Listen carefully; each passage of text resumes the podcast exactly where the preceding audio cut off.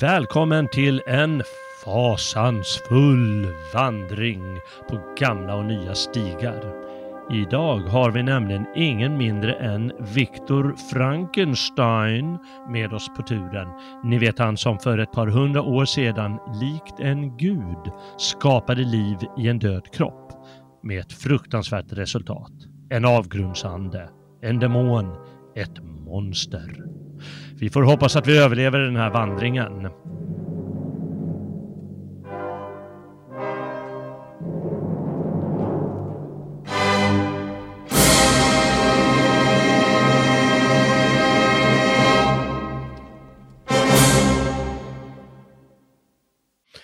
Jag har för säkerhets skull anlitat en tapper krigare som kan beskydda oss från det hiskeliga Frankenstein-monstret nu när vi ska undersöka Mary Shelleys roman Frankenstein från 1818. Jag heter Jalle Horn och välkomnar denna vår krigare till dagens samtal, Robin Holmgren. Hej Robin! Tjenare! Det där måste vara den bästa presentationen hittills tror jag. Ja, det är bara för att du blir presenterad som krigare. Ja, älskar det. det jag, jag kan fortsätta med det om du vill. Ja, jag gärna. Ah. Okay. Mek mig vår... baklänges. Vad heter det? Ja, nej, det... Nej. Jag försökte vara rolig. ja, jag hann inte med. Ja, just det. Vi har ju tagit upp alla möjliga sorters böcker eh, mm. och eh, nu hamnade vi hos eh, Frankenstein, blir det väl. Hon var ju trots allt engelska, Frankenstein, engelska Mary Shelley. Ehm, och det var ditt val den här gången. Vad tänkte du på när du sa det? Um, nej, jag vill ju ha en klassiker men som ändå är en del av populärkulturen. Och Frankenstein mm. är ju grunden till så, ja om inte all eh, science fiction egentligen. Um, så att uh, den tycker jag var, skulle vara intressant. Det är en bok som jag velat läsa länge. Så det passar sig ju väl att eh, vi kunde läsa den och recensera den här då, prata lite mer om den. Ja, just det. Själva boken känns ju inte så värst eh, science fiction-artad, eh, kan man väl inte säga. Nej, men det är ju frågorna som är den absolut största vinsten med att läsa den här boken. Eh, de mm. stora frågorna, men också, eh, hur ska man säga, alltså det universumet som öppnar sig. Eh, när mm. du kan eh, liksom animera död materia. Eh, mm. Ja, så den är ju grunden ja. till allt. Ja, grunden till allt. Ja, ja ble, nu, nu ler hon i sin grav, Mary. Ja. Uh, om ett annat så har det givetvis blivit en väldigt viktig klassiker i film, filmhyllorna. Oh ja. Jag har kollat lite, det finns ju en lång, lång, lång diger lista på Frankenstein-filmer eller olika sorters spin-offs. Eh, eh, redan 1910 kom det tydligen en Frankenstein-film, vi kan ju lika gärna nämna no eh, bara säga dem. Vi kommer mm. säkert komma in på det lite senare. Den klassiska Hollywood-filmen från 1931 med Boris Karloff som alltså var ett artistnamn för en annan eh, kille, som heter Frankenstein. Det är väl den stora klassikern då. Och sen lite uppföljare till den då, inte minst Frankensteins brud. Mm. Den är ännu bättre. Jäkla cool. Eh, och så Frankensteins son och en massa olika grejer. 1994 kom en eh, version av Kenneth Branagh, vet han, eh, Shakespeare, eh, Fantomen höll jag på att säga, men han var känd inom teater och gjort några Shakespeare-filmer och så började med populärkultur, det gillar han mycket också. Han har gjort Thor bland annat. Okay. The Mighty Thor. Mm. Och så gjorde han en eh, Frankenstein-version 1994 och så kommit flera och som sagt otaliga spin-offs, eh, alla möjliga slag. Eh, men jag tror det är viktigt att poängtera en sak här, att um, om vi ser, om vi då tar bort Asimov till exempel då, um, mm. så alla de här filmerna som har att göra med att man, man väcker någonting till liv, och här mm. är ju AI någonting som är jättestort eh, populärkulturellt. Mm. Mm. Det är ju och, det är samma frågeställningar i de filmerna som i Mary Shelleys Frankenstein. Ja, att, eh, just det. Den ligger ju liksom till grund för så otroligt mycket inom den här eh, genren då. Eh, mm.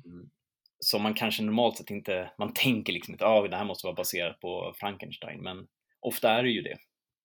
Ja, just det. Medvetet eller undermedvetet. Då.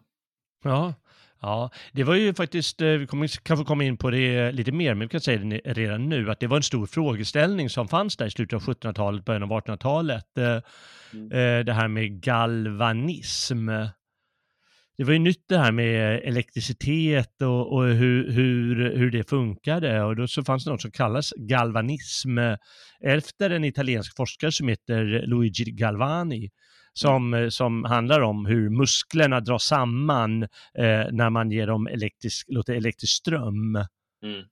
eh, på något sätt gå igenom kroppen. Och eh, då, ja, då tänker de att eh, aha, men det här är ett sätt att skapa liv eller det här är grund, en förutsättning för liv i människan mm. och andra, andra djur. Och eh, ja, så, så frågan fanns ju redan då. Frågan kanske alltid funnits eftersom eh, man har tänkt att människor har skapats på något sätt genom antingen gudar eller vad som helst, mm. kommit upp ur jorden eller så. Men visst, eh, visst, eh, det har ju lagt grunden genom att eh, man har gjort det till något skrämmande, så har det lagt grunden till väldigt mycket populärkultur, som du säger. Mm. Mm. Ja, det är coolt.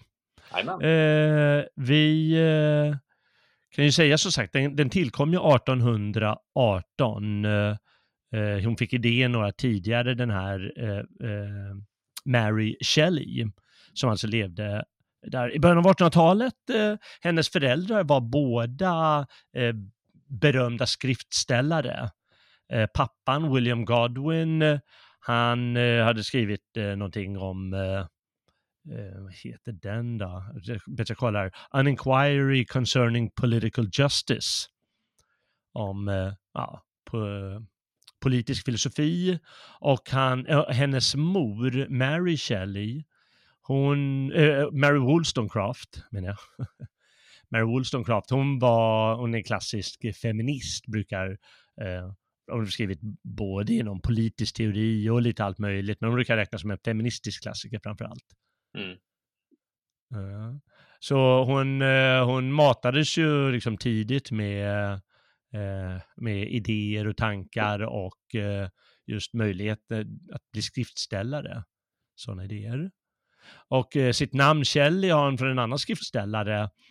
Det är ju också en, en historia för sig att eh, eh de träffades, eh, antagligen kanske hemma hos den här William Godwill, där den här unga Percy Shelley, eh, mm. den åtminstone blivande poeten, med väldigt stor engelsk poet, eh, vistades för att han var också fриtänkare.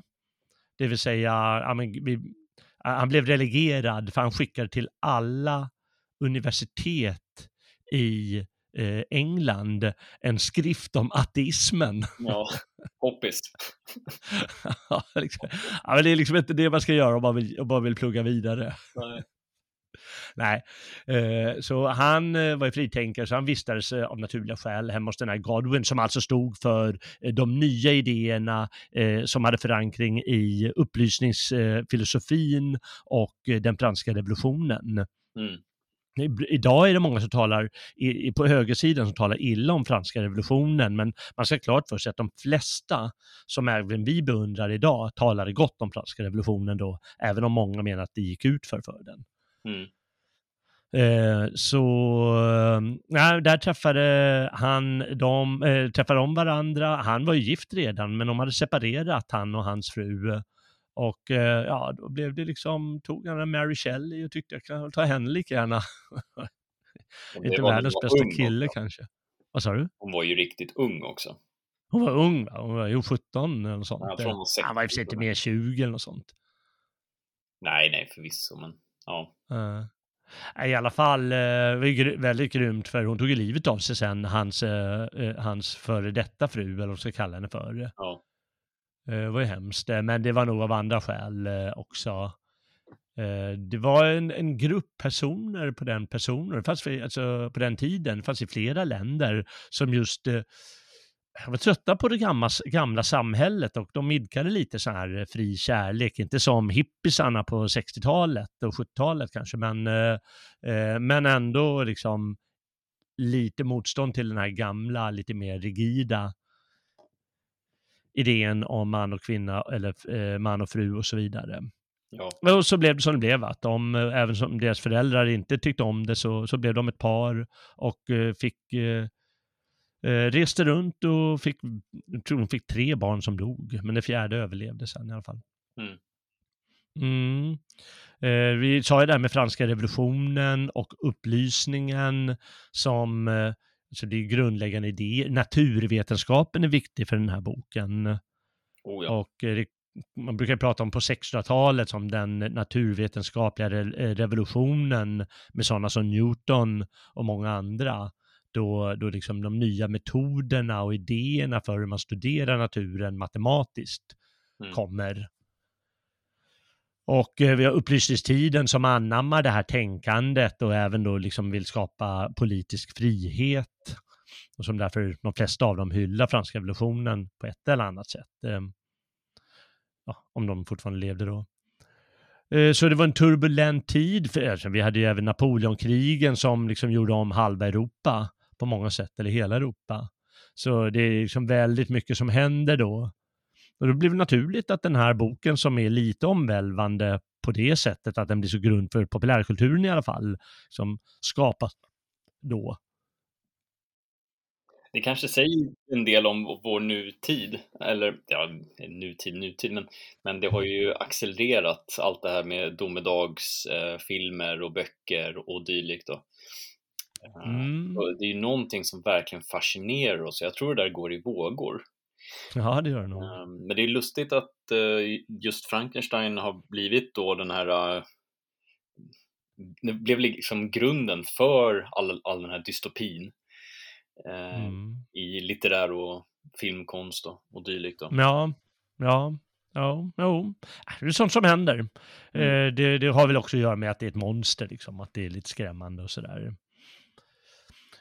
Boken tillkom, den har en egen tillkomsthistoria som står i förordet. Jag vet inte, vi kanske ska fråga, vad har, vad har du för eh, upplaga eller något sånt framför dig? Jag har Nilo-bibliotekets eh, från klass, vad klassikerförlaget här.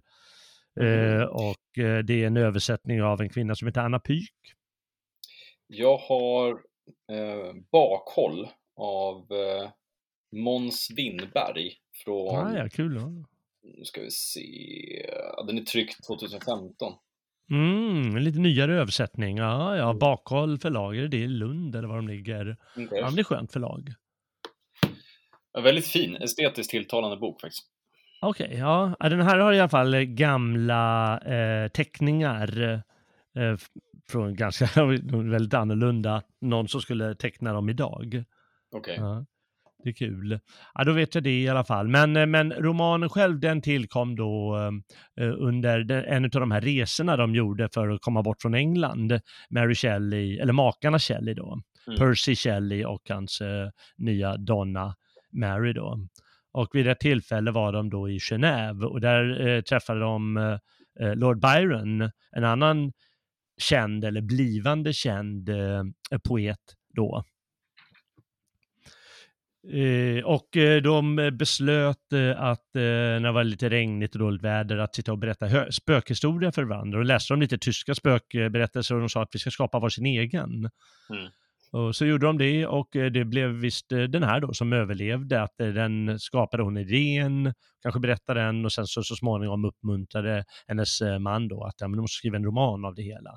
Mm. Okej, det får vi göra. Tycker jag står lite roligt eh, skriver hon i förordet att eh, ja, killarna, ja, de skakade av sig det där. De tyckte det var så tråkigt med, med den platta och trista prosan. Ja. De ville bara skriva på vers. Så de tröttnade på hela grejen och gick ut och beundrade bergen istället. De ville ha den riktiga Prometheus. Ja, precis. Eh, Percy Shelley, han har skrivit en, en dramatisk dikt som heter Prometheus Unbound. Okej. Okay. Faktiskt, ja. Ett känt, väldigt känt diktverk. Eh. För den som vill lyssna på eh, Aiskylos kan man ju gå tillbaka i arkivet. Ja, precis. Ja. Vi har ju faktiskt tagit upp, du och jag, eh, om Prometheus. Eh, mm. det är ett, eh, den fjättrade Prometheus, ett gammalt antikt drama från 400-talet före Kristus. Eh, ja, då får man gå tillbaka till arkivet, Svegot plus-arkivet. Ja. Och eh, ja, den här boken då, den är ju inte alls det som vi just nu drar fram när vi pratar om AI eller populärkulturens skildring av det hela, utan den är ganska annorlunda. Ja. Det får man ju säga. Ja. Jag säger direkt att den, den är skriven i brevstil. Det var väldigt vanligt på den tiden. Att man, eh, han berättar hon berättar historien genom någon som skickar brev till en syster från Nordpolen. För han är, eller inte från Nordpolen, men Polartrakten då. För han försöker med fartyg komma upp mot Nordpolen för att bli berömd eller sånt där.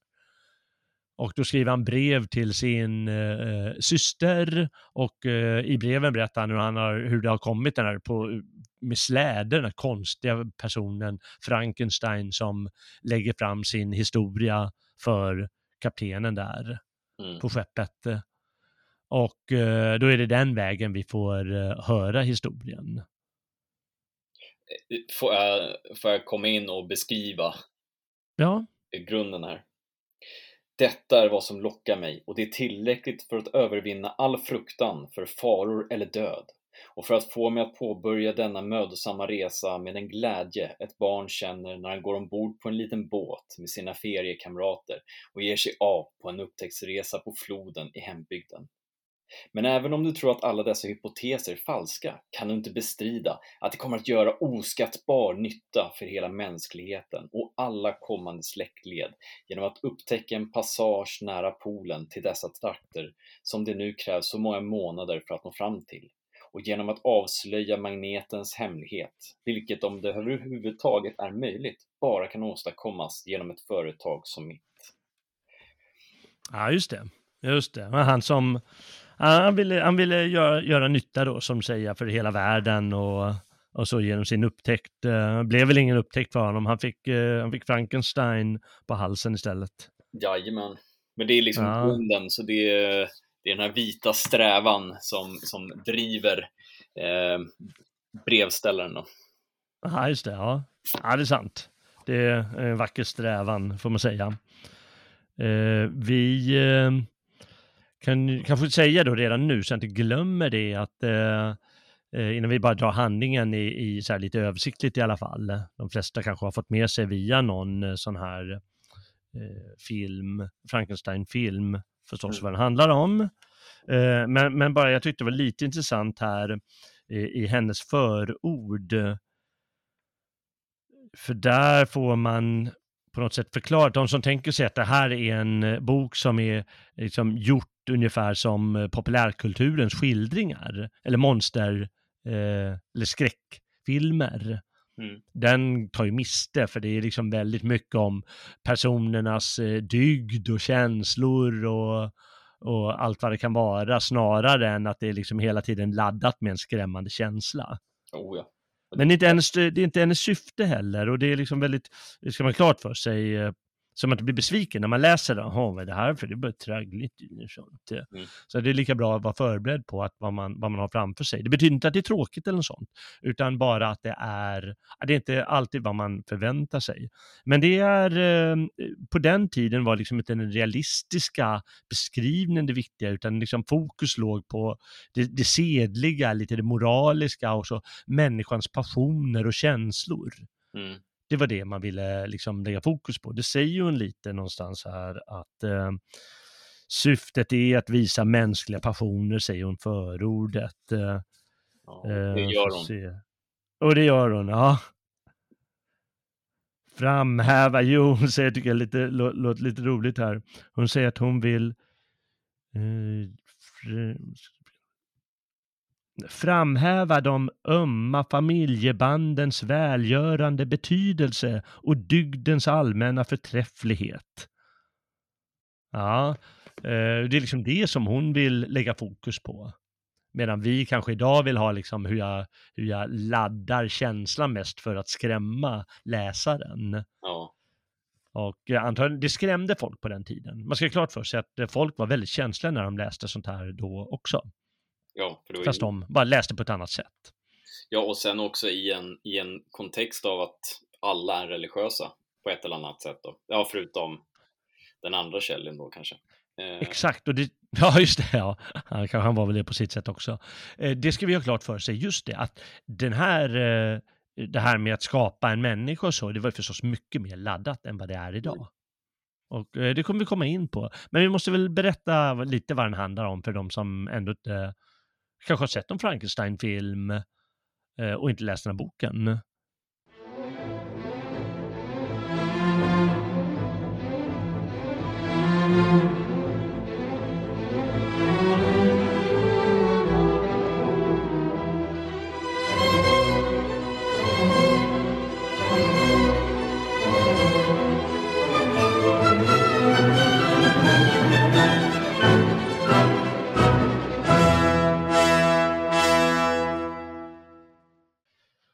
Och eh, då berättar han, eh, Viktor Frankenstein, eh, varför han är där uppe på Nordpolen och han, när han var lite yngre, för några år, några år tidigare, då så var han student i Ingolstadt. Han, han, han är från Genève och Ingolstadt det ligger i södra Bayern, mm. liten stad där. Och han var, var student där och när han var student då blev det liksom kemi och anatomi och, och lite sådana grejer. Han studerade nya eller naturvetenskap. Eh, men eh, han intresserar sig också för lite äldre filosofer och naturfilosofer och så som rör sig åt det mystiska hållet lite ibland. Mm. Bland annat någon som heter Paracelsus och eh, någon som heter, eh, jäklar vad är min fina lapp här? Ah, det hittar vi så småningom. Det är lite äldre, de är liksom gamla de här eh, personerna. Och då får han den här idén att han vill, vill få liv i en kropp. Och eh, det beskrivs knappt i boken eh, hur, han, det står bara att han får den idén och kunskapen om det, liksom genom ett, mm. en snilleblixt ungefär. Men det är ingen magi eller något sånt, utan det är bara ren vetenskap? Som Ja, det är ren vetenskap. Det, det, det ska man, det, det, är det förstås. Ja, det är ingen magi. Eh, men men liksom även de här gamla Paracelsus och så, de, de var ju inte heller magiker, utan de, trodde, de menar ju att så funkar naturen. Ja. Ja, men eh, hur han ska få liv i den här döda kroppen som han gör väldigt stor, för det blir för besvärligt att hålla på med det finstilta. Så det blir lite lättare om den är så här två och en halv meter eller något. Eh, mm. Så ja, då skapar han och den får liv och han har lyckats. Och eh, då... Jag kommer inte ihåg, hur, hur skiljs han från monstret där? Han, han ångrar sig liksom så fort det är färdigt, för han säger att det är ju vederstyggligt det här monstret. Och i det ögonblicket inser han att det här är eh, en helvetisk varelse ungefär. Ja. Eh, sticker han bara därifrån, eller vad är det? Ja, han sticker ju därifrån för att möta upp sin bästa vän Clerval. Ah, ja, ja, ja. Okay, som har ja. kommit och ska hälsa på honom. Eh, ah, ja, just det. Och då passar monstret på att sticka? Jajamän. Mm. I min bok kallas det inte monstret särskilt ofta, utan det är ofta att den heter demonen eller, eller avgrundsanden. Vad heter det i din översättning? Uh, det brukar vara antingen demon eller monster. Okej, okay, ja. Då så, eh, monstret i alla fall, eh, den upple det upplever ju, alltså han, han, han upplever, det, det, det, det är lite svårt, skälet till att jag stammar här som en idiot, det, det är att jag inte vet om jag ska beta, berätta om Månses perspektiv, eller upplevelse först, eller hans perspektiv.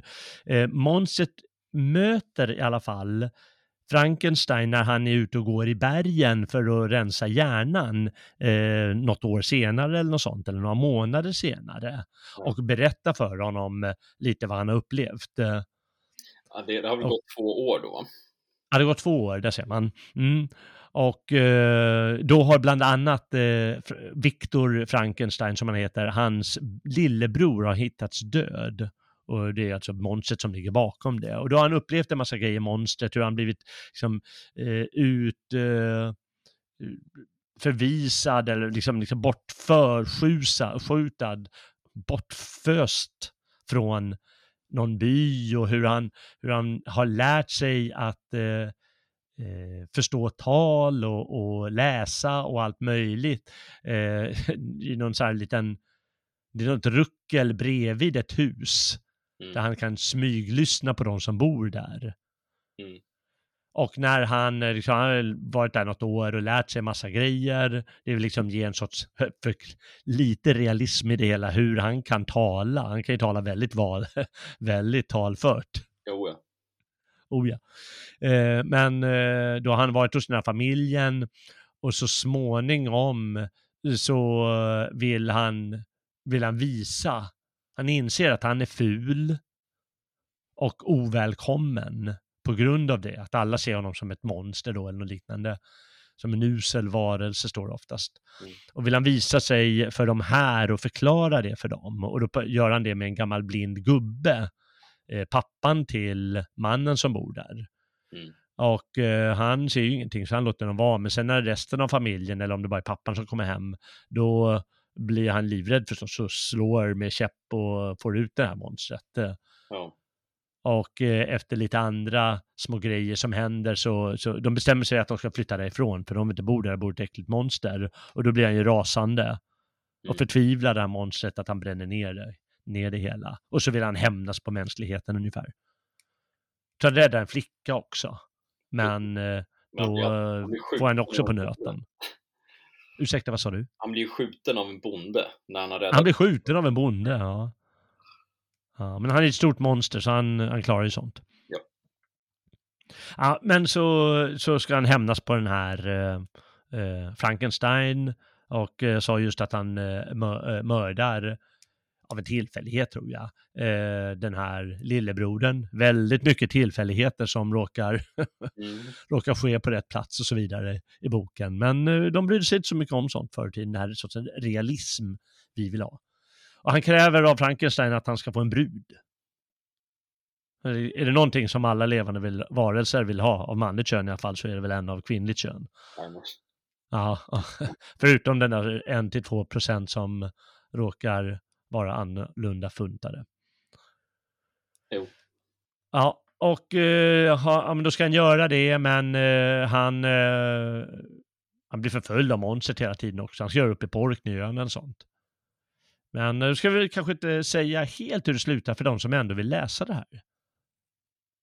Eller vad tycker du? Nej, det, jag tycker det låter, låter kul. Låt äh, människor äh, läsa det. eller ladda ner en ljudbok eller något. Ja, precis. Ja, nej, vi ska inte, vi ska inte säga mer äh, än så. Det, det, hon, hon laddade lite på slutet liksom, det, det, får man säga. Det är inte alls som i filmerna, till exempel den från 90, 1994. Där laddar ju Kenneth Branagh väldigt starkt eh, mm. eh, hur det går. Men eh, nej, vi nöjer oss med det. Han vill ha en kvinna. Och eh, han börjar ta itu med den saken, Viktor Frankenstein, med, med en dos ångest. Inte så lite mm. ångest heller. Nej, Nej, och eh, på tal om ångest just, så är ju ångest en form av känsla. Mm. Och eh, den här tiden eh, inom litteratur, eh, historien brukar man tala om romantiken i början av 1800-talet och eh, så gör man lite enkelt för sig att kalla förromantiken som är liksom sista 40 åren kanske av 1700-talet. Eh, och just förromantiken brukar man prata om liksom sentimental tid, en känslomässig tid. Mm. Och eh, jag pratade eh, i veckan före vårt avsnitt om Faust, om Goethe i allmänhet och den unge Werthers lidanden bland annat. Mm. Som alltså är en sån ty typiskt sentimental roman kan man väl säga. Eh, som, som vill visa fram känslor. Och eh, det, det blev ju väldigt starkt. Upplysningsfilosofen Jean-Jacques Rousseau, han skrev en av de också allra mest kända och folk eh, de, de läste det här alltså i flera hundra sidor. Och du, om du läser det så tycker jag, men herregud, räcker inte nu? Ja. Men de, de, de grät och slet sitt hår folk på den tiden. Ja. Det är som en, när en, en tjej kanske ser, som är lite känslig på ett särskilt sätt, ser en feel good film romantisk komedi av feel slaget där då gråter de liksom. Du också kanske? Jag kan inte alls relatera. Alltså det... Nej, du kan inte relatera. Det... Ja, men du kan väl relatera till någon tjej du har sett, din egen tjej eller så? Ja, För de kanske sitter och lipar under en sån film. Ja. Och var likadant då, att de verkligen lipade högt ordentligt. För det var så, ja, de, den här prosan har lite av den kraften ibland. Och en variant av den här sentimentala romanen var den gotiska romanen. Eh, Den kallas så. Jag sitter här med den, framför, den första framför mig av Horace Walpole som heter Borgen i Otranto. Mhm. Och eh, det, den heter gotisk för att det, det är ofta gotisk arkitektur. Aha. Och den var ju redan ur modet då, även om det har kommit nygotisk eh, mode inom arkitekturen så är det här liksom en medeltida grej och har liksom lite mystisk känsla för sig.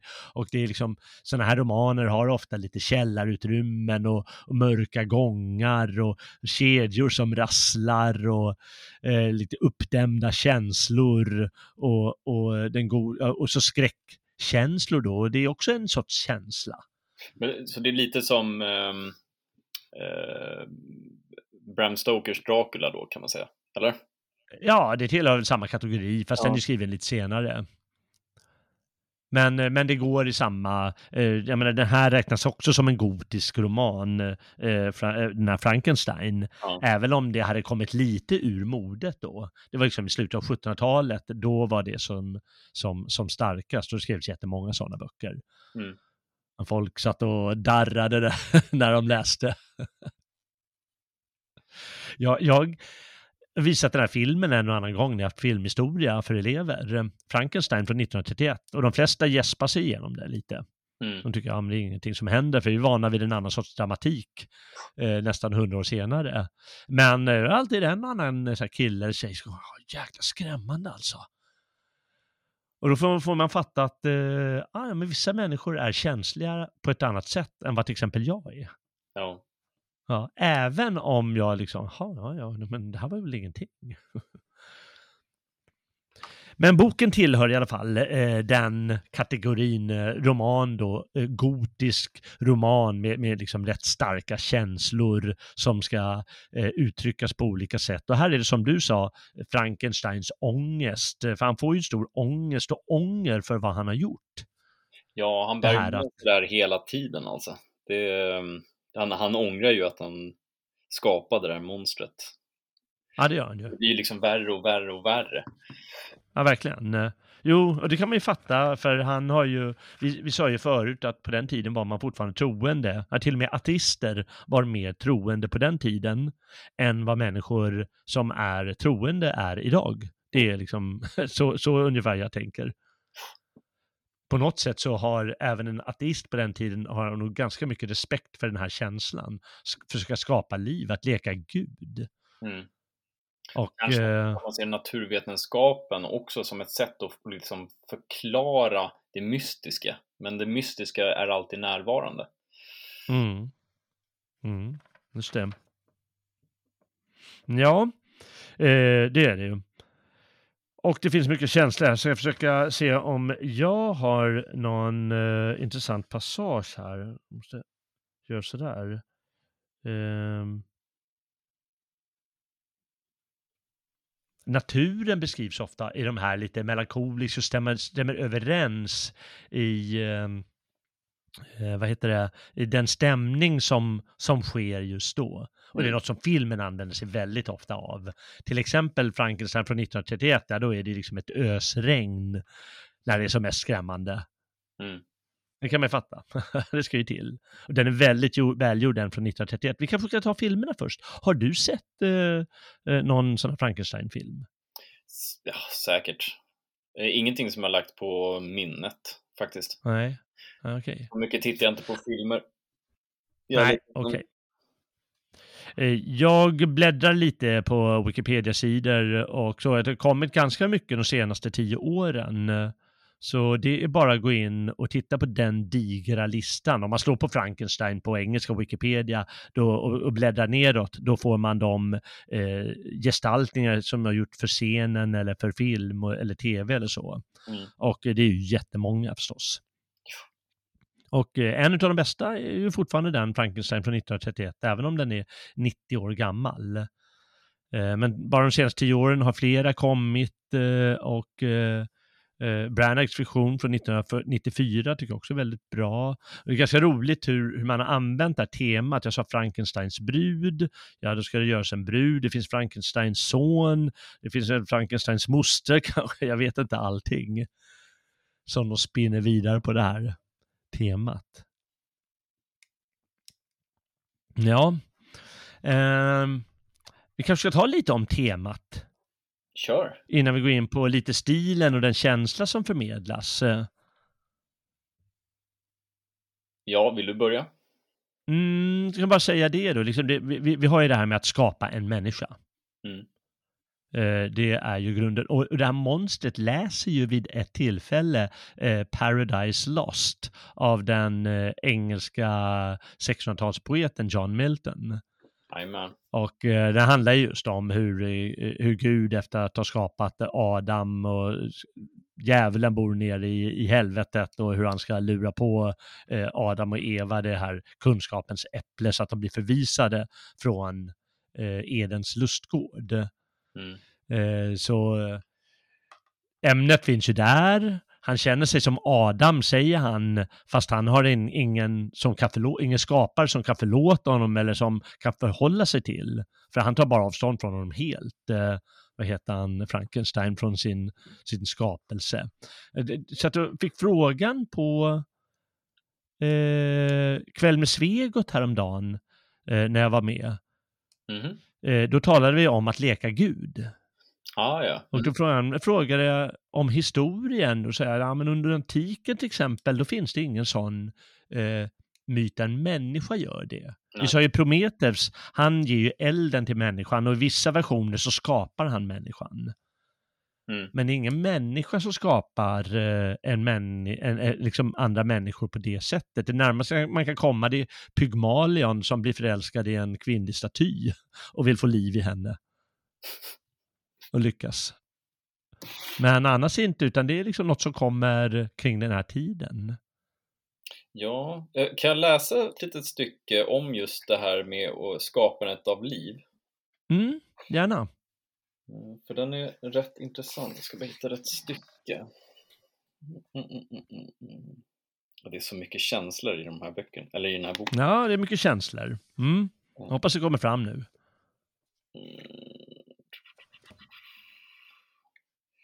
Ingen kan förstå de många olika känslor som bar mig framåt, som en orkan under framgångens första entusiasm.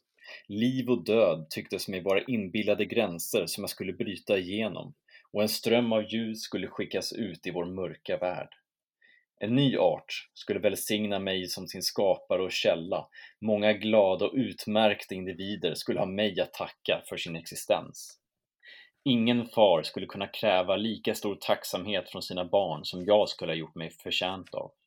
När jag tänkte dessa tankar gjorde jag reflektionen att om jag kunde ge liv åt livlös materia skulle jag med tiden, även om det nu var omöjligt, kunna ge förnyat liv när döden till synes hade bestämt kroppen för sönderfall. Så att eh, han är ju ute efter att på sitt sätt skapa evigt liv. Mm. Han vill ju, han skapar ju liv eh, eftersom att han, han brinner av det här intresset av just att kunna bryta igenom och, och skapa eh, nya vägar inom naturvetenskapen kort och gott. Eh, mm. Ja, det kan man säga. Det kanske också är eh, hans sätt att eh, Även fast kan, det inte kommer ut i boken så kan vi filosofera kring det, att han försöker ersätta Gud. Ja, ja det kanske det, det kommer inte riktigt fram på det sättet, men man, man kan ju läsa det på det sättet, eh, onekligen. Ja. Och det blir också, eh, liksom när man väl har åstadkommit det här, och det är liksom två frågor som uppstår. Vad är jag som har lyckats skapa en människa och vad är en människa? Mm överhuvudtaget. Eh, monstret reflekterar, jag ser att du har skrivit här, monstrets reflek reflektion, vem är jag? Mm. Och det är ju en väldigt viktig del av bo boken, hur, hur monstret kommer insikt till sig själv, om sig själv och sin omgivning och inser att han är helt oönskad, även om han gör gott. Ja, men precis. Han är ju inte, han, han skapas ju inte ond. Eh, utan han, han, han, föds ju nästan tom. Alltså han har ju en, en törst efter att känna ett sammanhang, över att veta mm. vem han är. Mm. Men, eh, han skriver det så bra, nu ska vi se. Orden fick mig att gå till mig själv. Jag lärde mig att det dina medmänniskor helst var i besittning av var en förnäm, obefläckad härstamning i förening med rikedom. En man kunde vara respekterad med bara en av dessa tillgångar, men utan någon av dem betraktades han, förutom i mycket sällsynta fall, som en dagdrivare och slav, dömd att slösa bort sina krafter för några få utvaldas vinning. Och vad var jag? Jag visste ingenting alls om min skapelse och skapare, men jag visste att jag inte hade några pengar, inga vänner, ingen egendom av något slag. Dessutom var jag utrustad med en kropp som var ohyggligt deformerad och vedvärdig. Min natur var inte ens densamma som människans. Jag var rörligare än det och kunde klara mig på en enklare diet. Min kropp tog mindre skada av extrem värme och kyla och jag var mycket större än det. När jag såg mig omkring varken såg eller hörde jag talas om någon som jag. Var jag alltså ett monster, en skamfläck på jorden som alla människor flydde ifrån och förkastade? Och det här är ju, just de här filosofiska tankarna är ju verkligen höjdpunkten i den här boken alltså. Eh, för det mm. skapar sånt otroligt underlag för diskussion. Ja, det gör det. Det gör det. Eh, jag tycker det är roligt när du läser upp det där, för jag tänker mig bara ett, ett, eh, ett den här varelsen som knappt kan tänka hur han formulerar sig på det här sättet. Ja. Jag tycker det är väldigt underhållande. Ehm, men eh, det är, det är någonting, man brydde sig inte om det på den tiden. Och eh, den här, när han berättar det här, då är det liksom att han är där uppe i bergen och berättar för Viktor Frankenstein om vad han har upplevt just, bland annat sina tankar när han kom, funderar på vem är jag, som du sa.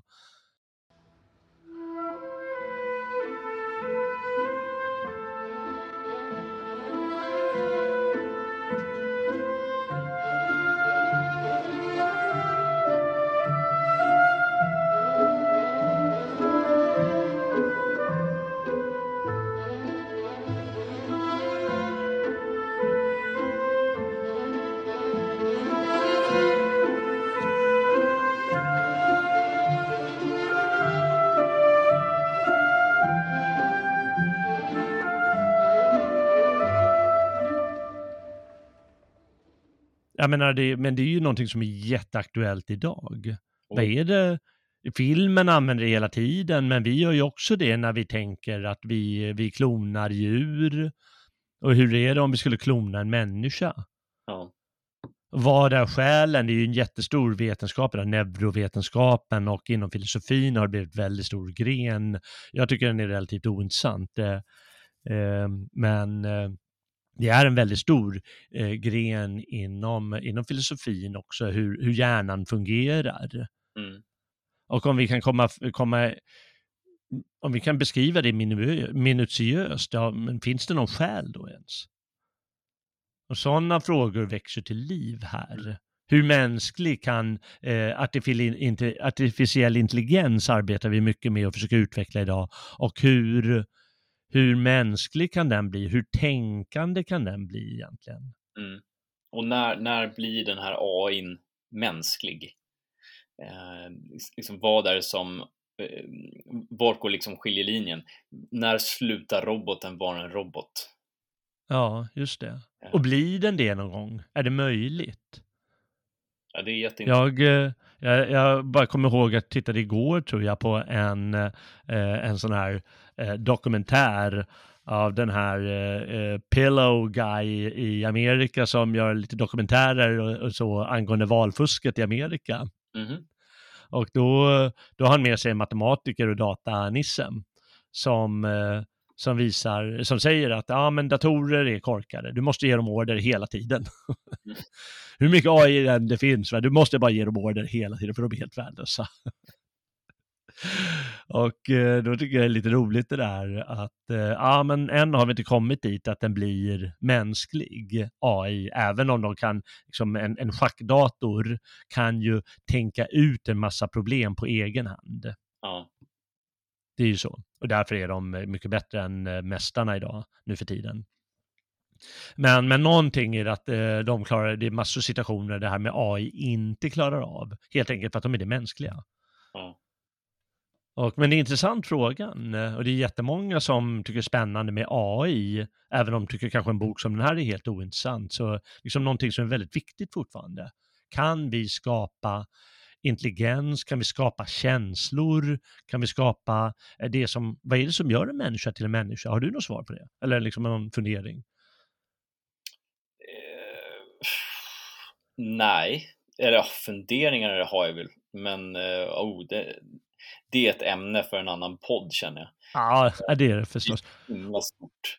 Eh, det känns ju väldigt mycket som att hon tycker att eh, någon form av sedlighet, eh, liksom en moralisk förståelse och insikt är vad som liksom gör en människa på många sätt. Ja.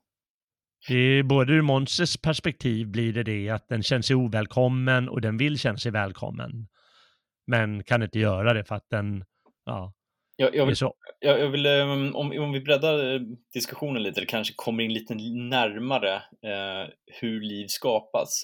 Nu mm. har vi ju ett begrepp som provrörsbarn exempelvis. Ja, just det. Det är ju någonting som aldrig har funnits förut. Eh, just den här möjligheten att någon, en kvinna som är till exempel in, alltså infertil eh, mm. ändå kan få barn. Det här ja, är ju också farligt. Ja. För att då ärver ju eh, alltså, eh, de här defekterna, då, vilket det är, eh, ärvs ju då, eller kan i alla fall, ärvas vidare. Och det skapar ju ännu fler människor som inte är fertila.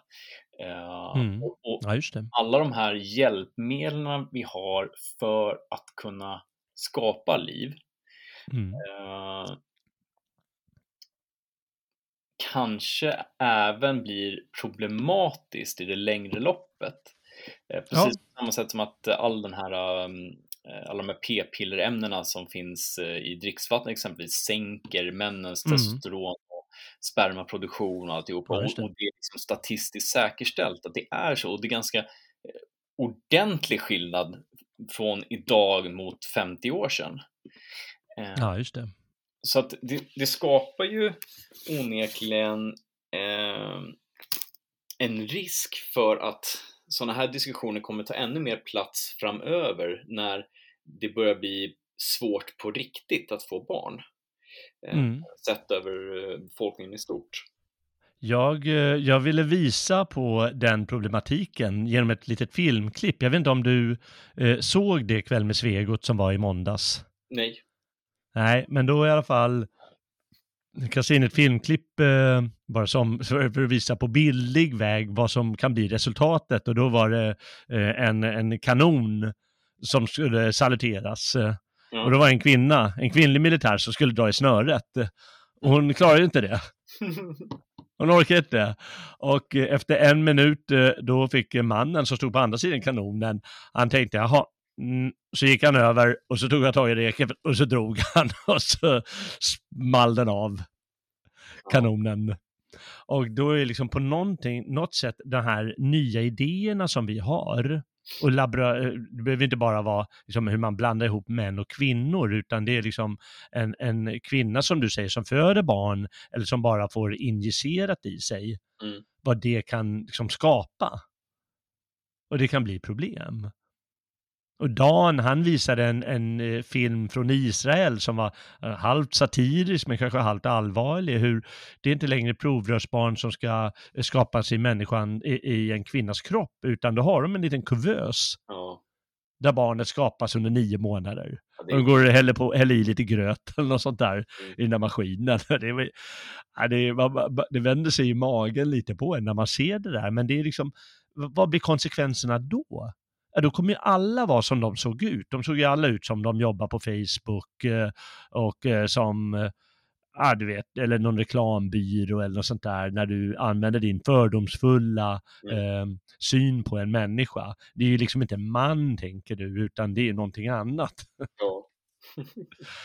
Och så är alla människor då, om vi inte kan skapa barn på naturlig väg. Ja, och, utan skapa dem på det konstgjorda sättet. Och då tappar vi ju ännu mer den här eh, känslan som finns. För mm. eh, allt som oftast så är det ju trevligt för både mannen och kvinnan och att liksom skapa det här barnet. Mm. Eh, så att det, det, blir ju konstigt om man tar bort hela den sekvensen, om man ersätter eh, sexet och ser det endast som eh, någon sorts, alltså en, en njutning till exempel. Men utan mm. barnalstrandet, då tappar man ju liksom syftet egentligen. Det handlar mm. bara om mm. att jag vill ha det så gött som möjligt. Så då blir det en hedonist och en, en kass människa liksom. Eh, ja, och, och, om, ja det kanske blir. Liksom nu tycker jag att det är väl en del, en, någonting som ändå eh, definierar människan om man studerat vissa djur som verkar också ha den, hör ihop med någonting med intelligensen, att eh, vi har förmågan att njuta av sexualiteten mm. på ett sätt som många djur inte verkar ha. I så fall måste de klara av det på ett par sekunder. ja, men precis. Men, men, det... men, i alla fall, eh, att eh, man får inte glömma den biten. Det är klart att eh, om själva barnalstrandet glöms bort, ja då, då är vi kanske inte ens människor längre. Nej, då, då behöver du inte ens... Det, för det, det um... Om du inte behöver vårda ett förhållande utan det blir bara sex med vem som helst och så bara, men nu vill jag ha ett barn.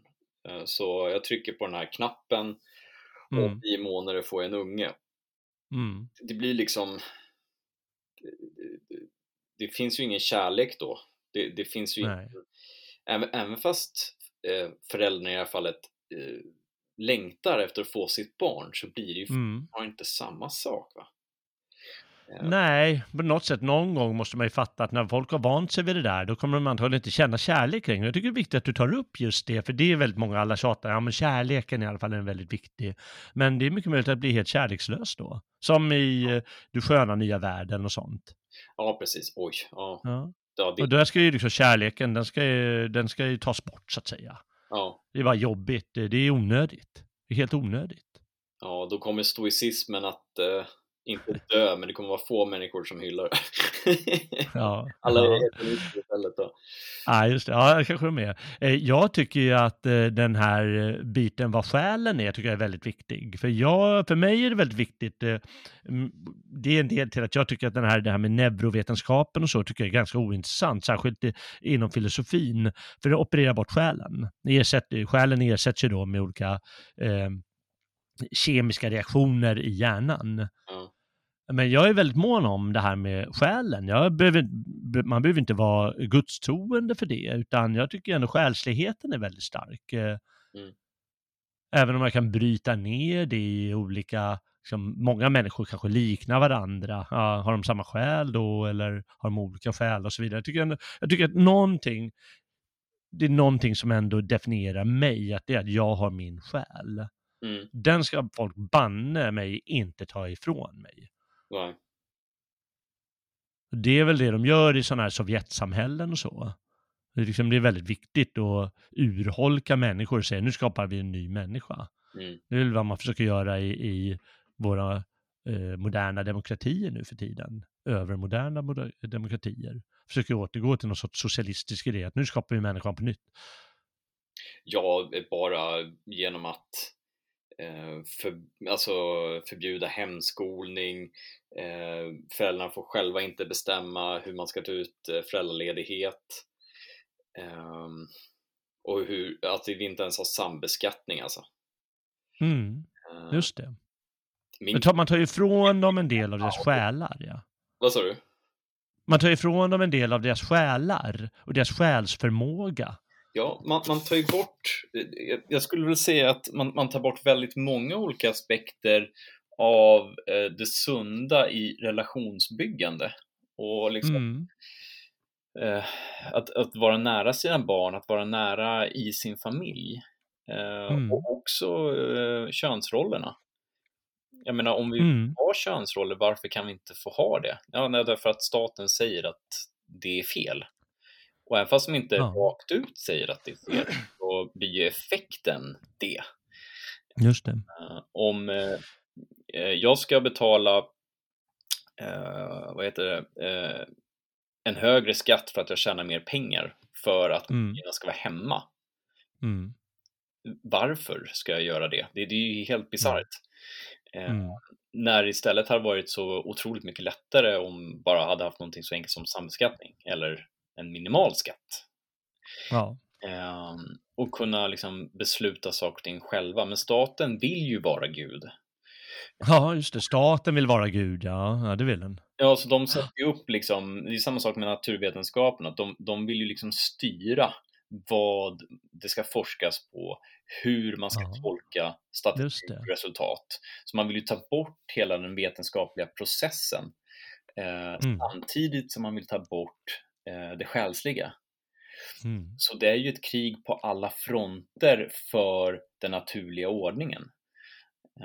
Det är verkligen intressant det du säger. Jag tycker det är väldigt spännande att, diskussionen eh, går i den här riktningen, för eh, när jag läste om eh, eh ah, jag vet ju att eh, Mary Shelley, feministerna intresserar sig givetvis för eh, kvinnliga författarskap, det kan mm. man ju fatta, men vill gärna se hur böcker och så då passar deras teori. Ja. Och då läste jag här om ett genusperspektiv på den svenska Wikipedia och då säger de här att det är ett par, par damer som heter Sandra, Sandra Gilbert och Susan Gubar som eh, de menar att Shelley bekräftar den maskulina traditionen. Jag tar det från innan här. Eh, de argumenterar i sin bok The Mad Woman in the Attic att i Frankenstein i synnerhet försöker Shelley följa upp och svara på den manliga litterära tradition som tidigare representerats av eh, till exempel den här John Miltons eh, Paradise Lost. Deras tolkning är att Shelley bekräftar den maskulina traditionen inklusive det könsförtryck som är en del av den samtidigt som hon på ett fördolt sätt introducerar fantasier om jämställdhet som då och då får utbrott i monstruösa bilder av vrede. Men när vi diskuterar här så säger vi istället att eh, eh den här idén om att göra sig till Gud och att eh, människan när man skapar den kan liksom råka reducera mänskligheten, då reducerar även det att eh, vara kvinna och föda sina barn. Mm. För det är ditåt det gått i liksom med all den vetenskap vi kan använda. Ja. Samtidigt som staten då förtrycker könen, låt oss säga deras naturer. Mm. Men de vill gärna tolka det annorlunda, feministerna. Och de kan ju få det till vad som helst genom att säga på ett fördolt sätt. Ja, det var ett smidigt sätt att uh, stärka sina argument. ja, verkligen. Verkligen. Men jag tycker verkligen spännande att uh, liksom, vi, vår liksom, bara tolkning som råkar gå här, den går i motsatt riktning mm. till det de vill komma fram till.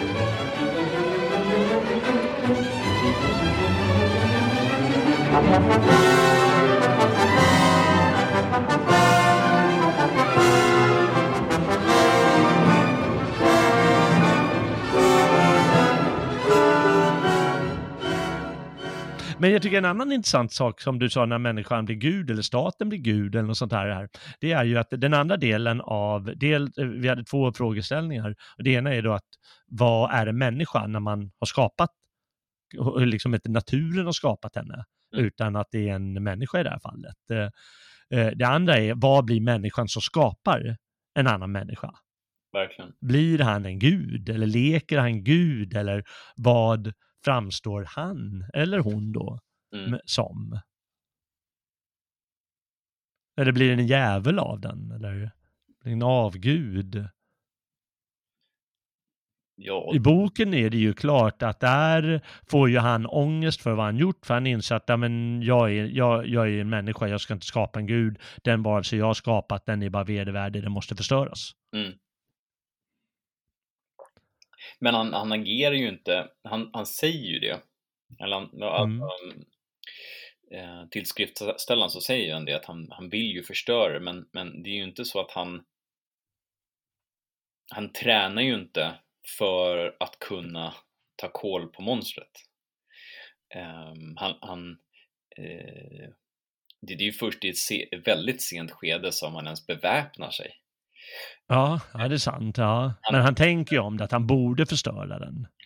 Ja, men precis. Men han är väl kanske är rädd för det, att han inte har kraft nog och så. Ja, nej, men han försöker ju liksom inte vinna det heller. Även fast det, det här är ju en, en, någonting som utvecklas eh, framförallt i slutet. Då. Men, men han Mm. är ju inte liksom, han är ju ingen krigare på något sätt och han, han in, även fast han kanske inbillar sig att han ska agera så han Mm. simmar ju mest liksom.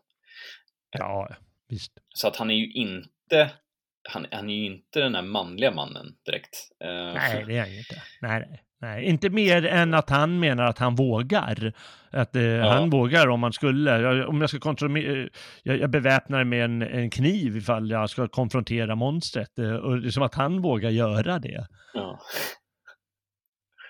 Det är rätt häftigt. Men, men angående det här att leka gud, då tänkte jag, så, jag har aldrig kopplat ihop det på det sättet, men när jag såg den här, bild, den här filmen som Dan visade med de här eh, Twitter eller Facebook-arbetarna, en kille som knappt är en kille, i alla fall inte när man talar med en krigare som dig, eh, och de här andra tjejerna som knappt är tjejer då, eller jag vet inte vad de är för någonting, så titta på sin kuvös där hemma, Mm. eh, hur barnet blir till på det mest onaturliga vis man kan tänka sig.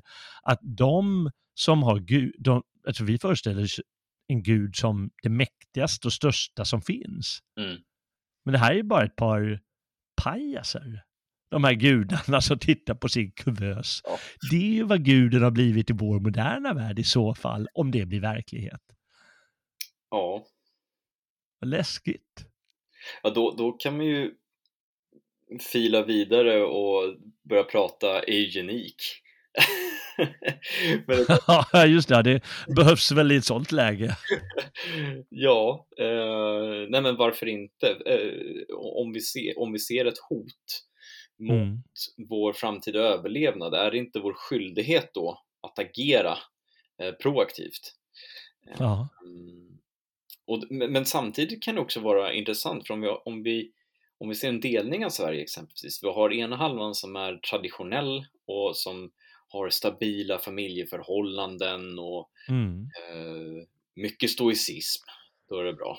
Ehm, Jaha, jaha. och eh, där vi har en mamma och en pappa som vårdar barnen och barnen ärar eh, föräldrarna. Mm. Och så på andra sidan så har vi de här eh, ömsom supersmala, ömsom supertjocka eh, människorna som inte har ja, varken heder, ära, ett begrepp ens som ära, eh, ingen liksom strävan eh, och eh, som bara ser eh, ett barnalstrande som just barnalstrande, inte som en kärleksakt Mm. som en liksom, nu ska vi skapa liv, eh, du och jag, för att jag älskar dig och du älskar mig. Mm. Eh, det, det blir liksom, det blir anti, eh, jag skriver om det i senaste eh, Nationalisten, eh, Mm. nej, den kommande Nationalisten, Ja, ja. att mångkulturen är en antikultur. Och det här är ju antikulturen gentemot då barnafödande och liksom eh, den naturliga ordningen kan man säga. Så som det alltid har varit och så som vi faktiskt är skapta till att hantera Det, det, liksom, det Mm. är ju vår verklighet. Mm. Ehm, Så det blir ju onaturliga människor i krig mot naturliga människor. Ja, just det. Och de kan ju ha det, det, med AI och så tar vi våra yxor liksom. ja, just det. Ja, de får köra AI, vi kör yxorna. Ja, så ska vi göra. Nej, men det är väldigt intressant det du säger här. Eh, för eh, vad va, va Viktor Frankenstein, han känner ju en sak och det är att han känner skuld för vad han har gjort. Ja. Eh, både det att han borde inte han borde inte leka Gud på det här sättet kan vi säga, men, men, framför, men också vad, de, vad, vad monstret åstadkommer Mm. när den inte kan anpassa sig i den här världen. Därför att, eh, jag menar, det är ju trots allt bara Victor Frankenstein som har skapat monstret eh, och eh, det är bara Gud då som kan skapa en människa, en Mm. riktig människa. Som liksom fungerar som en människa bland alla andra. Ja, och Men han, monstret kommer aldrig att funka. han överger ju monstret. Så monstret Ja, liksom hittat ja det är ju också förstås. eh, syfte. Eh, och det är ju inte så konstigt att det går åt helvete då. Nej, nej, det är det förstås. Nej, just det, det har vi en sak. Men i alla fall, att den här förmågan att känna skuld, det är också någonting mänskligt. Eh, Mm. Nu är det ju så att eh, de här, den här dag, den nya moderna människan med, med feminister och eh, nysocialister och så, de frossar givetvis i skuld. Mm. Men jag tror att det är en dröm hos dem och det är också en dröm hos hela den här eh, kloningen och AI och liksom eh, skapa alltihop. Det är ju att slippa känna skuld. Ja. Slippa känna alla de här känslorna så att det blir som i det sköna nya värld. Mm. Ja, verkligen. Och inte Och det tycker jag ändå är viktigt att det är liksom ett viktigt tema i boken, att han känner så mycket skuld och har eh, så kraftiga känslor och, och, och passioner Mm. för vad han har åstadkommit. eh. Nu ska vi se, nu tar jag upp boken igen. Ja, bra. Mm, mm, mm.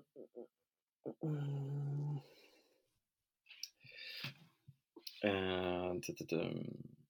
Ja, eh, Frankenstein, eller eh, monstret har eh, hittat en eh, lite papper som Frankenstein hade lämnat kvar på sitt arbetsbord. Mm.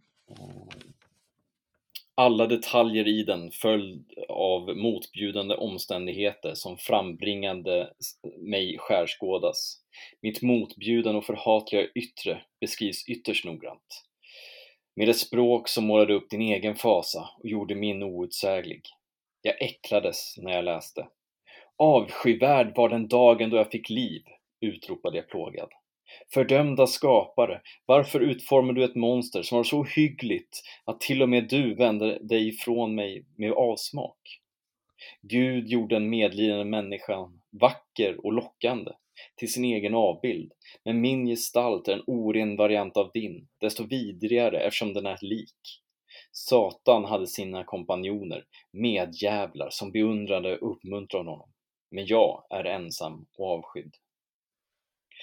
Ehm, och Mm. efter det här då så får ju Frankenstein dåligt samvete för han inser ju att oj, ehm, jag, jag, liksom, jag skapade ett liv och så slängde jag bara bort det. Mm. Jag gav honom inte liksom möj, någon möjlighet alls utan han var tvungen liksom att hitta sin egen väg. Och det är ju Mm. inte särskilt schysst. Eh, framförallt Nej, när han ser ut som ett monster. ja, ja, ja, verkligen. Ehm, Den här skuldfrågan är, det är intressant, men det är, det är ju det, är en fängslande del av, av karaktären Frankenstein. Ja, det är det ju förstås. Ja, men det är klart att det är. Eh, och eh, hon, hon kämpar med de där eh, eh, frågeställningarna eh, i boken. Mm. Fast på sitt eh, då 200 år gamla sätt. Eh.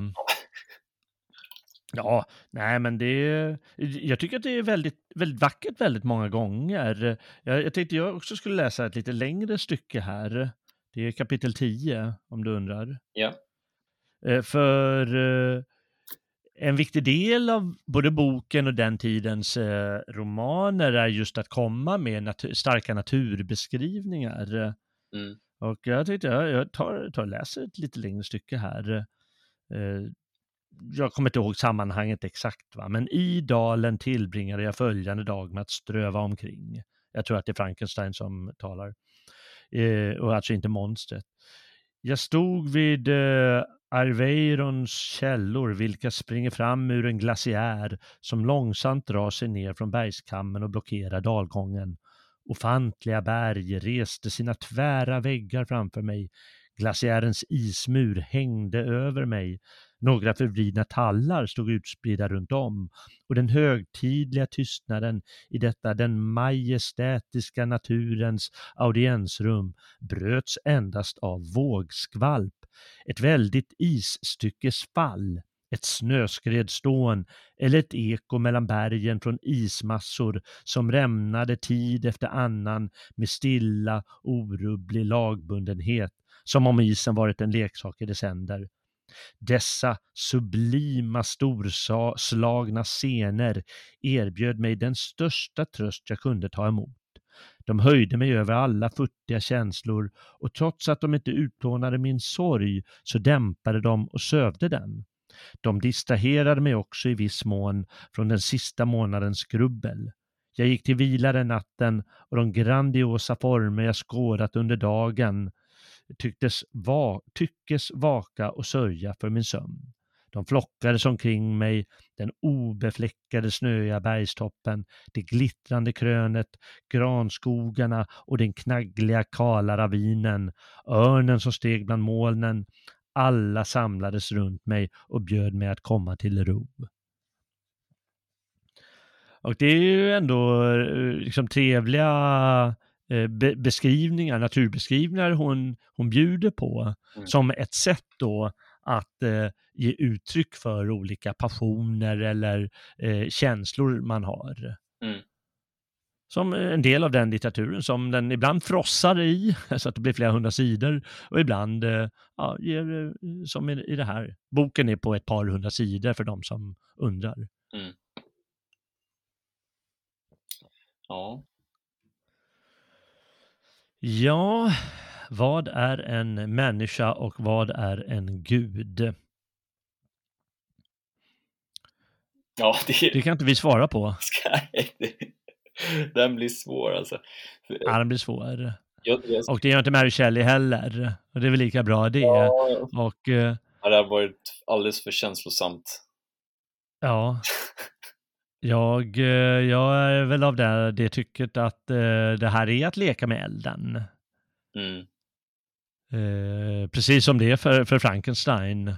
Och kanske för oss som diskuterar det ikväll eh, nej, att leka med elden, att skapa människoliv hur man vill. Jag tror att man måste reducera människan i det ögonblicket. Eh, kapa bort själen, eller vad man nu gör. Det är så svårt alltså. Det... Mm. Fast det är många som beundrar det här med AI och allt vad det är och jag, jag ska inte trampa på dem på fötterna. Det kanske är många som mejlar in eh, idéer de har.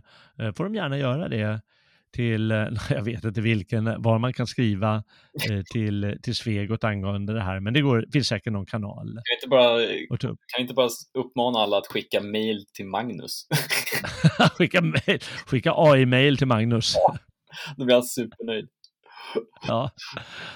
Svär över eh, de där eh, på gamla nya stigar som försöker diskutera något de inte förstår sig på. Ja, precis. Ja. Jag, jag kan säga så här, mm. för det är ändå nå någonting som jag kommit fram till. Jag kommit fram till att människan blev människa mm. eh, när gudarna gav oss den gudomliga gnistan. Mm. Just det. Då har vi det. När det skedde, det vet inte jag. Och för mig är det fullkomligt ointressant. Eh, Nej. Du är nöjd med att eh, bevara den här gnistan och göra den så eldstark som möjligt? Ja, det, det var ett bra sätt att, att förklara det faktiskt. Ja. Eh, ja. Målet är ju att gnistan ska liksom hålla vid liv, hållas vid liv för mina barn så att de kan föra mm. det vidare. Och när det kommer till själen jag vet att vi är ganska många hedningar som har det här eh, perspektivet att eh, det finns flera delar av själen. Mm. Det finns en som är bunden till folket, alltså folksjälen. Ehm, och vår gemensamma strävan och, och, så finns det andra delar som går liksom in i eh, vårt eget, eh, vår egen personlighet, men också det i ätten då, alltså i eh, släktbanden. Eh, så jag tror ju exempelvis när, när jag coolar av pinn, förhoppningsvis mm. på ett jävligt coolt sätt, så eh, kommer mina barn alltid att känna min närvaro på ett eller annat sätt. För att jag kommer alltid följa med dem. Eh, för en del av min själ är redan hos dem. Just det.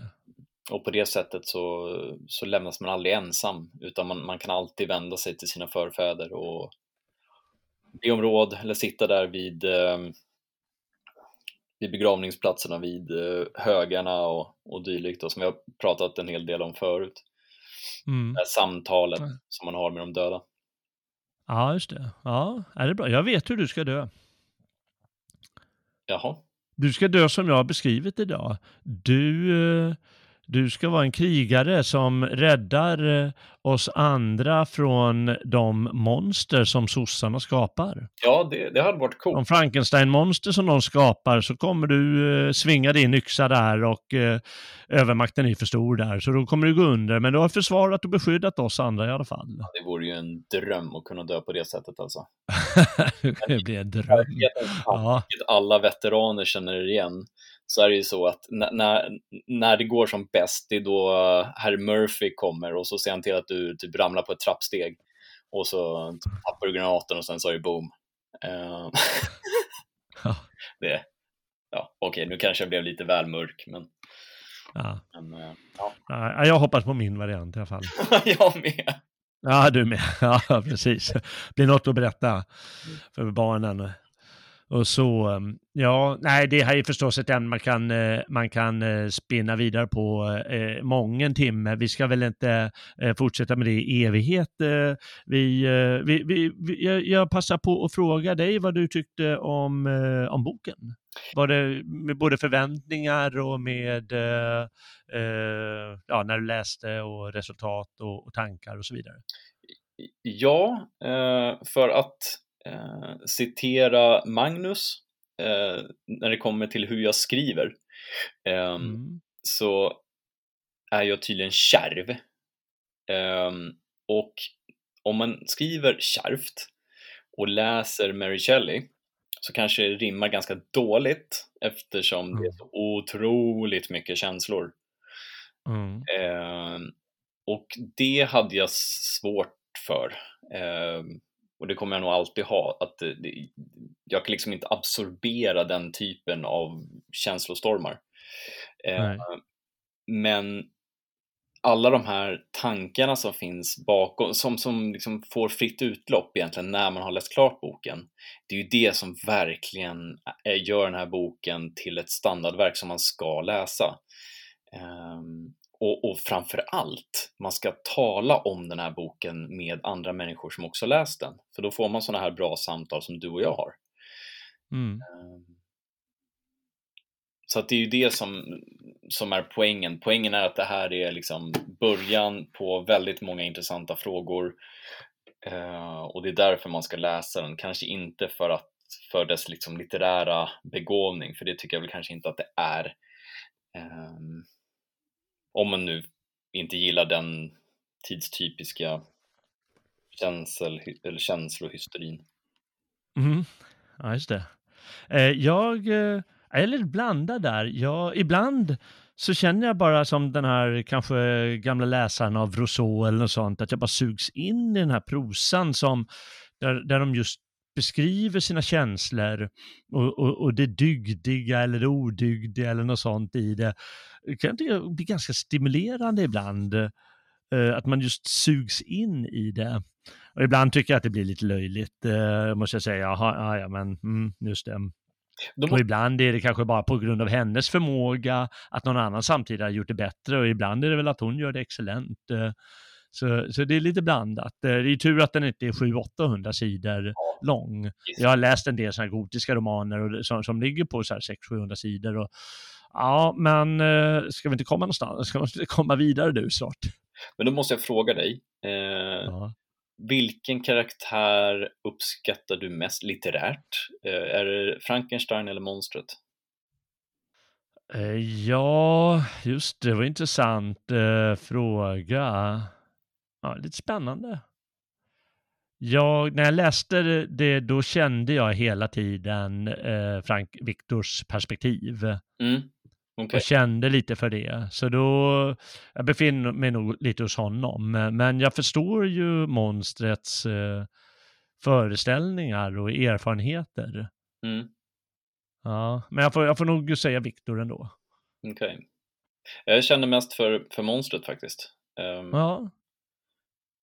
Otroligt intressant karaktär alltså.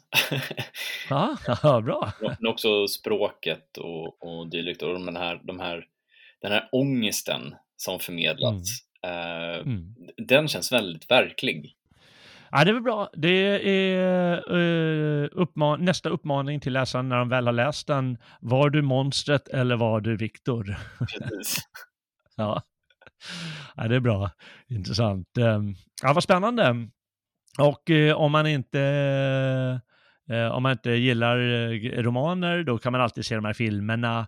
Eh, de, är, de är väldigt olika. Den från 1931, den följer inte boken så, så värst. Den hittar på en massa olika grejer. Eh, den från 94 är lite mer, men hittar också på en del grejer. Och så de senaste vet jag inte, men eh, man kan ju alltid se på någon av filmerna som kommit. Eh, de, eh, de är säkert spännande, intressanta och roliga och så. Men man ska alltid förvär, förära en gammal, gammal stöt som Mary Shelley genom att, läsa henne om man, om man orkar tycker jag. Ja. Och få tag på boken. Jag tror att det här skulle vara en jättebra ljudbok faktiskt. Den är ganska... Ja, det är säkert. Ja, det, det tror jag också. Ja. Då har du eh, ännu en uppgift annat än att eh, försvara oss, eh, Robin. Ja, vad är det då? Ja, du läser in som ljudbok. Nej, för helvete.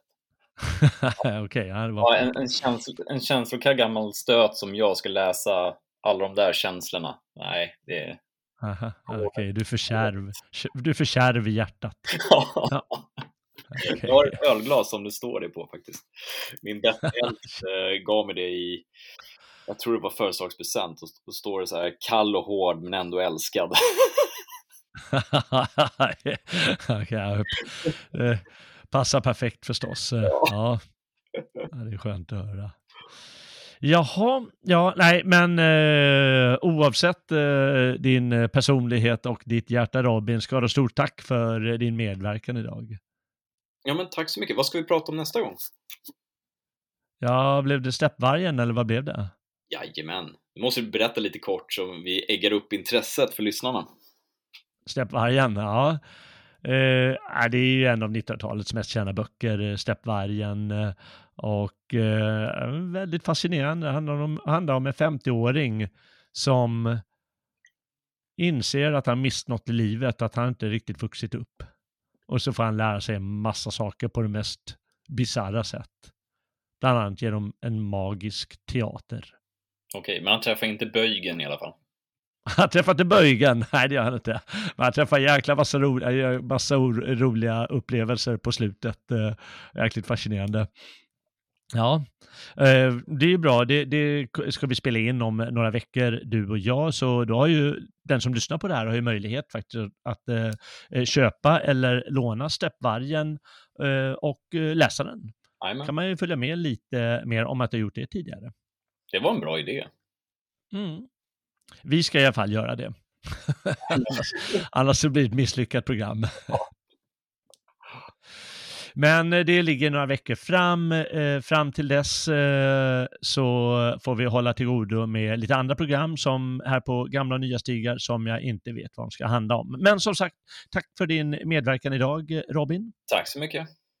Ja, och tack eh, du som har lyssnat. Hoppas att eh, du fick mycket att fundera på när det gäller Gud och människa och själ och allt vad det kan röra sig om, det vi tog upp idag. Eh, om du eh, då gillar vad du hörde eller kanske vad du hört eh, på våra andra program här på Svegot så får du gärna stödja vår verksamhet genom en prenumeration på Radio Svegot. Då bidrar du till den fortsatta produktionen och eh, kanske mer varierade program och eh, bättre program rent av. Eh, allt om det kan du läsa på Svegots hemsida. Då går man in på svegot.se och klickar teckna stödprenumeration. Och Eh, då finns det nog inte mer att tillägga annat än att eh, vi ska fortsätta vandra här på stigarna framöver, här på gamla och nya stigar. Men eh, mer om det, det får vi allt ta reda på framöver. Jag har i alla fall inte mer att säga om det just nu annat än att jag heter Jalle Horn och eh, ser fram emot att eh, möta dig, lyssnare, här på stigarna framöver. Väl mött, Frände.